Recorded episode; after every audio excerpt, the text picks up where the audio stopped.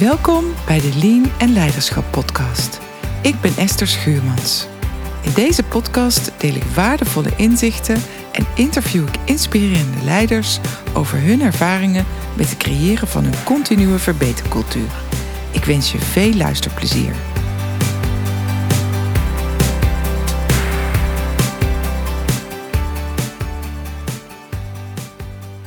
Deze podcast besteed ik aandacht aan de onderwerpen ID-management en de A3 verbetermethodiek, twee van mijn favoriete onderwerpen. ID-management omdat het mijn overtuiging is dat de beste ideeën komen van de mensen die het werk daadwerkelijk uitvoeren.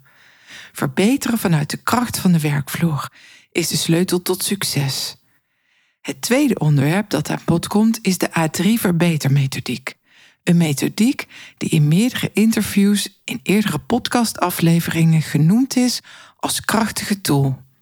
De methode biedt structuur aan het tot succes brengen van ideeën en verbeterprojecten. Een voordeel van het volgen van de structuur is dat je hiermee jumping to conclusions voorkomt. In plaats van steeds weer te kiezen voor een korte termijn oplossing, zorgt de methode ervoor dat je een set van maatregelen kiest die je probleem structureel oplost. Van brandjes blussen naar rust. Nu eerst aandacht voor het eerste onderwerp, ID-management. Dit heeft alles te maken met de achtste verspilling binnen lean management, namelijk skills of onbenutte creativiteit. Medewerkers krijgen en of nemen in dit geval niet of nauwelijks eigenaarschap en verantwoordelijkheid om de kansen voor verbetering die zij zien om te zetten in resultaten. Er wordt wel gesproken over gemaakte fouten en dingen die anders zouden moeten. Echter, de verwachting is dat iemand anders dit op moet lossen. Medewerkers nemen geen regie op het verbeteren. Geluiden die je in dit geval hoort zijn: Ik heb het al zo vaak gezegd, maar er wordt toch niets mee gedaan. Of het zal altijd zo blijven hier. Dit is een bedrijfscultuur die zo is gegroeid. Het goede nieuws is dat we dit kunnen veranderen naar een continue verbetercultuur. Mijn ervaring is dat de meeste medewerkers graag een bijdrage willen leveren aan continu verbeteren en er plezier uit halen om hun ideeën tot een succes te brengen. Dit gaat echter niet vanzelf. Er is werk te doen en er zijn een aantal belangrijke voorwaarden. Een belangrijke voorwaarde om succes te boeken met continu verbeteren vanuit de kracht van de werkvloer is de juiste mindset van de leidinggevende. Juiste mindset gaat over het geloof in kennis, kunde en de verbeterkracht van de medewerkers op de werkvloer. De leidinggevende faciliteert de medewerkers hierbij in de vorm van tijd, tools en middelen. En de leidinggevende inspireert, motiveert en coacht. De juiste mindset van de medewerkers ook een belangrijke voorwaarde. Dat wil zeggen dat continu verbeteren wordt gezien als onderdeel van het werk. Het behoort tot de taken en verantwoordelijkheden van iedere medewerker. We hebben het hier over kansen voor verbetering die de medewerkers op de werkvloer kunnen signaleren, omdat ze te maken hebben met specifieke en gedetailleerde informatie uit de dagelijkse praktijk. Het signaleren van kansen vraagt dat medewerkers weten wat waarde voor de klant is en verspillingen kunnen herkennen. Ook van belang zijn kennis over de visie en de doelstellingen van de organisatie. Dit geeft richting aan het kiezen van de juiste ideeën om mee aan de slag te gaan. Door het adopteren van een idee worden medewerkers eigenaar van hun idee en brengen ze het idee met behulp van collega's tot een succes. Ze hoeven het dus niet alleen te doen. De eigenaar van het idee is wel de karttrekker. Het is van belang dat medewerkers tevens de waarde van hun idee voor de organisatie kunnen bepalen. Kortom, wat levert het voor de organisatie op in tijd, geld of tevredenheid en wat zijn de kosten van invoering van een idee? Ik noem dit bierveeltje rekenen. Om de motor van ID-management op gang te houden, is aandacht voor de communicatie over de voortgang van ideeën noodzakelijk. En tot slot mag het vieren van het succes niet ontbreken. Het is mijn ervaring dat het werk aan ideeën het werkplezier verhoogt. Een praktijkvoorbeeld uit een kantooromgeving. Een medewerker van een afdeling in een grote organisatie had een idee om de doorlooptijd van het versturen van brieven vanuit de afdeling verzekeringen te verkorten. Het kostte de betreffende afdeling een week voordat een brief verzonden werd. De medewerker wilde dit proces al vijf jaar verbeteren en kreeg het niet voor elkaar.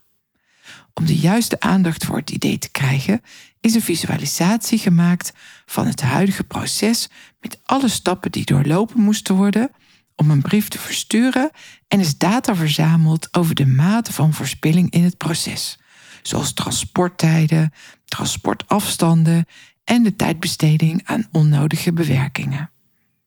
Deze visuele weergave van het proces en de cijfers zijn aan het management van de verschillende betrokken afdelingen gepresenteerd. Met de cijfers over de verspilling in dit proces kon het management er niet omheen. Het probleem werd urgent en de afdelingen werkten samen aan de juiste maatregelen. Het resultaat was dat de brieven binnen één dag werden verstuurd. Tevens leverde dit een forse kostenbesparing op. Betreffende medewerker was erg blij en trots op het bereikte resultaat. Een ander voorbeeld komt uit een logistieke organisatie. De medewerkers van de inkomende goederenafdeling hadden te maken met grote aantallen probleemgoederen. Dat wil zeggen dat de artikelen niet verwerkt kunnen worden. Deze artikelen namen een vloeroppervlakte van 42 vierkante meter in beslag en stonden er tussen de twee en drie weken. Het team deze situatie gezien als kans voor verbetering en heeft het idee geadopteerd. Door duidelijke procesafspraken te maken met de klant en leveranciers, heeft het team de doorlooptijd van de probleemgoederen teruggebracht naar maximaal drie dagen. En de meeste artikelen staan er maar één dag. De vloeroppervlakte die hiervoor benodigd is, is teruggebracht naar 8 vierkante meter. Een heel mooi voorbeeld van verbeteren vanuit de kracht van de werkvloer. Andere praktijk, praktijkvoorbeelden van ideeën voor verbetering vanuit de kracht van de werkvloer zijn minder verplaatsingen van zendingen door aanpassing van de layout met een tijdwinst van 8 uur per week. Verkorten van de laadtijd door aanpassen en identificatie van locaties, tijdwinst 15 minuten per order. Het elimineren van onnodige registratie van gegevens, informatie die niemand gebruikt, met een tijdwinst van 3 minuten per order. En tot slot de zoektijd naar juiste informatie verminderen door automatisering met resultaat van een half uur per dag besparing voor één medewerker. Met dit laatste voorbeeld sluiten we het eerste onderwerp af. Het tweede onderwerp dat ik in deze aflevering wil bespreken is de A3-methodiek. Zoals eerder gezegd geeft de A3-methodiek structuur en continu verbeteren. De A3-methodiek kent de volgende stappen. Een beschrijving van de achtergrond. Hierin beschrijf je de aanleiding van het probleem of idee ter verbetering en geef je inzicht in de urgentie om ermee aan de slag te gaan. Tevens stel je de scope van het verbetervoorstel vast en besteed je aandacht aan de stakeholders in het traject. De volgende stap is de huidige situatie. In deze stap verzamel je zoveel mogelijk feiten over de huidige situatie. Een analyse van de waardestroom kan in deze fase veel inzicht geven. Als het om een kwaliteitsvraagstuk gaat, kan je ook data uit systemen halen of neem je steekproeven om feiten te verzamelen. De derde stap is het vaststellen van de doelstelling. Als je inzicht hebt in de feiten met betrekking tot de huidige situatie, stel je een doelstelling voor je project vast. Hier ga je bij uit van een doelstelling die haalbaar is binnen drie tot zes maanden. Het kan zijn dat de termijn langer is om bij je uiteindelijke doelstelling te komen. In dit geval is het verstandig om deelprojecten te formuleren waarbij je steeds een stap verder richting de uiteindelijke doelstelling komt. De doelstelling formuleer je SMART. Dat wil zeggen specifiek, meetbaar, acceptabel, realiseerbaar en tijdgebonden. Als het om een korte doorlooptijd gaat, formuleer je een doelstelling in het trant van verkorten van de doorlooptijd van zes weken naar drie weken. Als het om een kwaliteitsverbetering gaat, is een voorbeeld van een doelstelling verhogen van het eerste keer goed percentage van 40 naar 80 procent. De vierde stap is het onderzoek naar de grondoorzaken. De vraag die we hierbij stellen is: wat zijn grondoorzaken van het feit dat we onze doelstelling nog niet hebben bereikt? Of anders gezegd, wat zijn de grondoorzaken van het verschil tussen de huidige situatie en de doelsituatie? Een methode die je hiervoor kan gebruiken is de visgraadanalyse, Ishikawa. Dit doe je met een team van betrokkenen. In de vijfde stap stel je tegenmaatregelen vast die nodig zijn om je doelstelling te bereiken. De zesde stap is de vertaling van de tegenmaatregelen in een concreet actieplan. De zevende en tevens laatste stap is de evaluatie. In deze stap meet je wat het bereikte resultaat is en bepaal je vervolgstappen. Praktijkvoorbeelden van bereikte resultaten met de A3-methodiek. Afkeur van producten verlaagd van 7,5 naar 4 procent. Een kostendaling van 16 procent in een werkvoorbereidingsproces.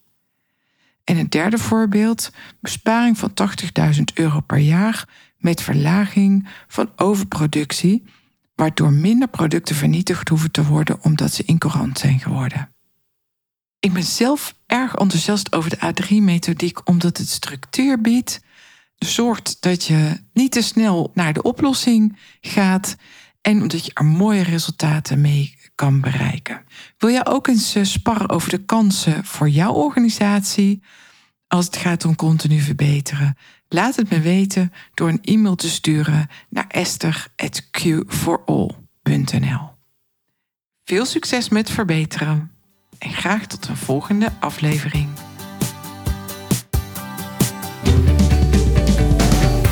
Je luisterde naar een aflevering van de Lean en Leiderschap podcast. Ik ben heel benieuwd wat je ervan vond. Ben je enthousiast? Abonneer je dan op deze podcast. Ken je iemand voor wie deze podcast ook interessant is? Dan zou het super zijn als je hem of haar de podcastaflevering doorstuurt. Nogmaals dank voor het luisteren en heel graag tot de volgende keer.